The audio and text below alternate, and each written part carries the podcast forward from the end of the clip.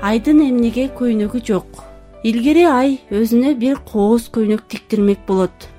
Тикмечи анын бели башын өлчөп иштегени отурат. Бир топ күн өткөндөн кийин тикмечи кел деген күнү ай келет. Келсе көйнөгү тар анан кыска болуп калыптыр.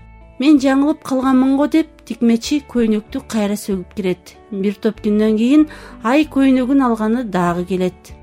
Көйнөк бул жолу да тар болуп калат мен дагы жаңылган турбаймынбы? деп тикмечи дагы көйнөктү сөгөт. Арадан бир топ күн өтүп ай үчүнчү жолу тикмечиге келет. Келатканда тикмечи караса ай мурдагыдан да тулуп топтомолок болуп калыптыр. Азыр эле тиккен көйнөгүнө батчудай эмес.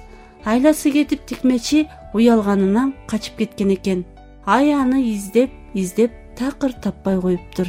Ошол күндөн ушул күнгө чейин көйнөгү жок калыптыр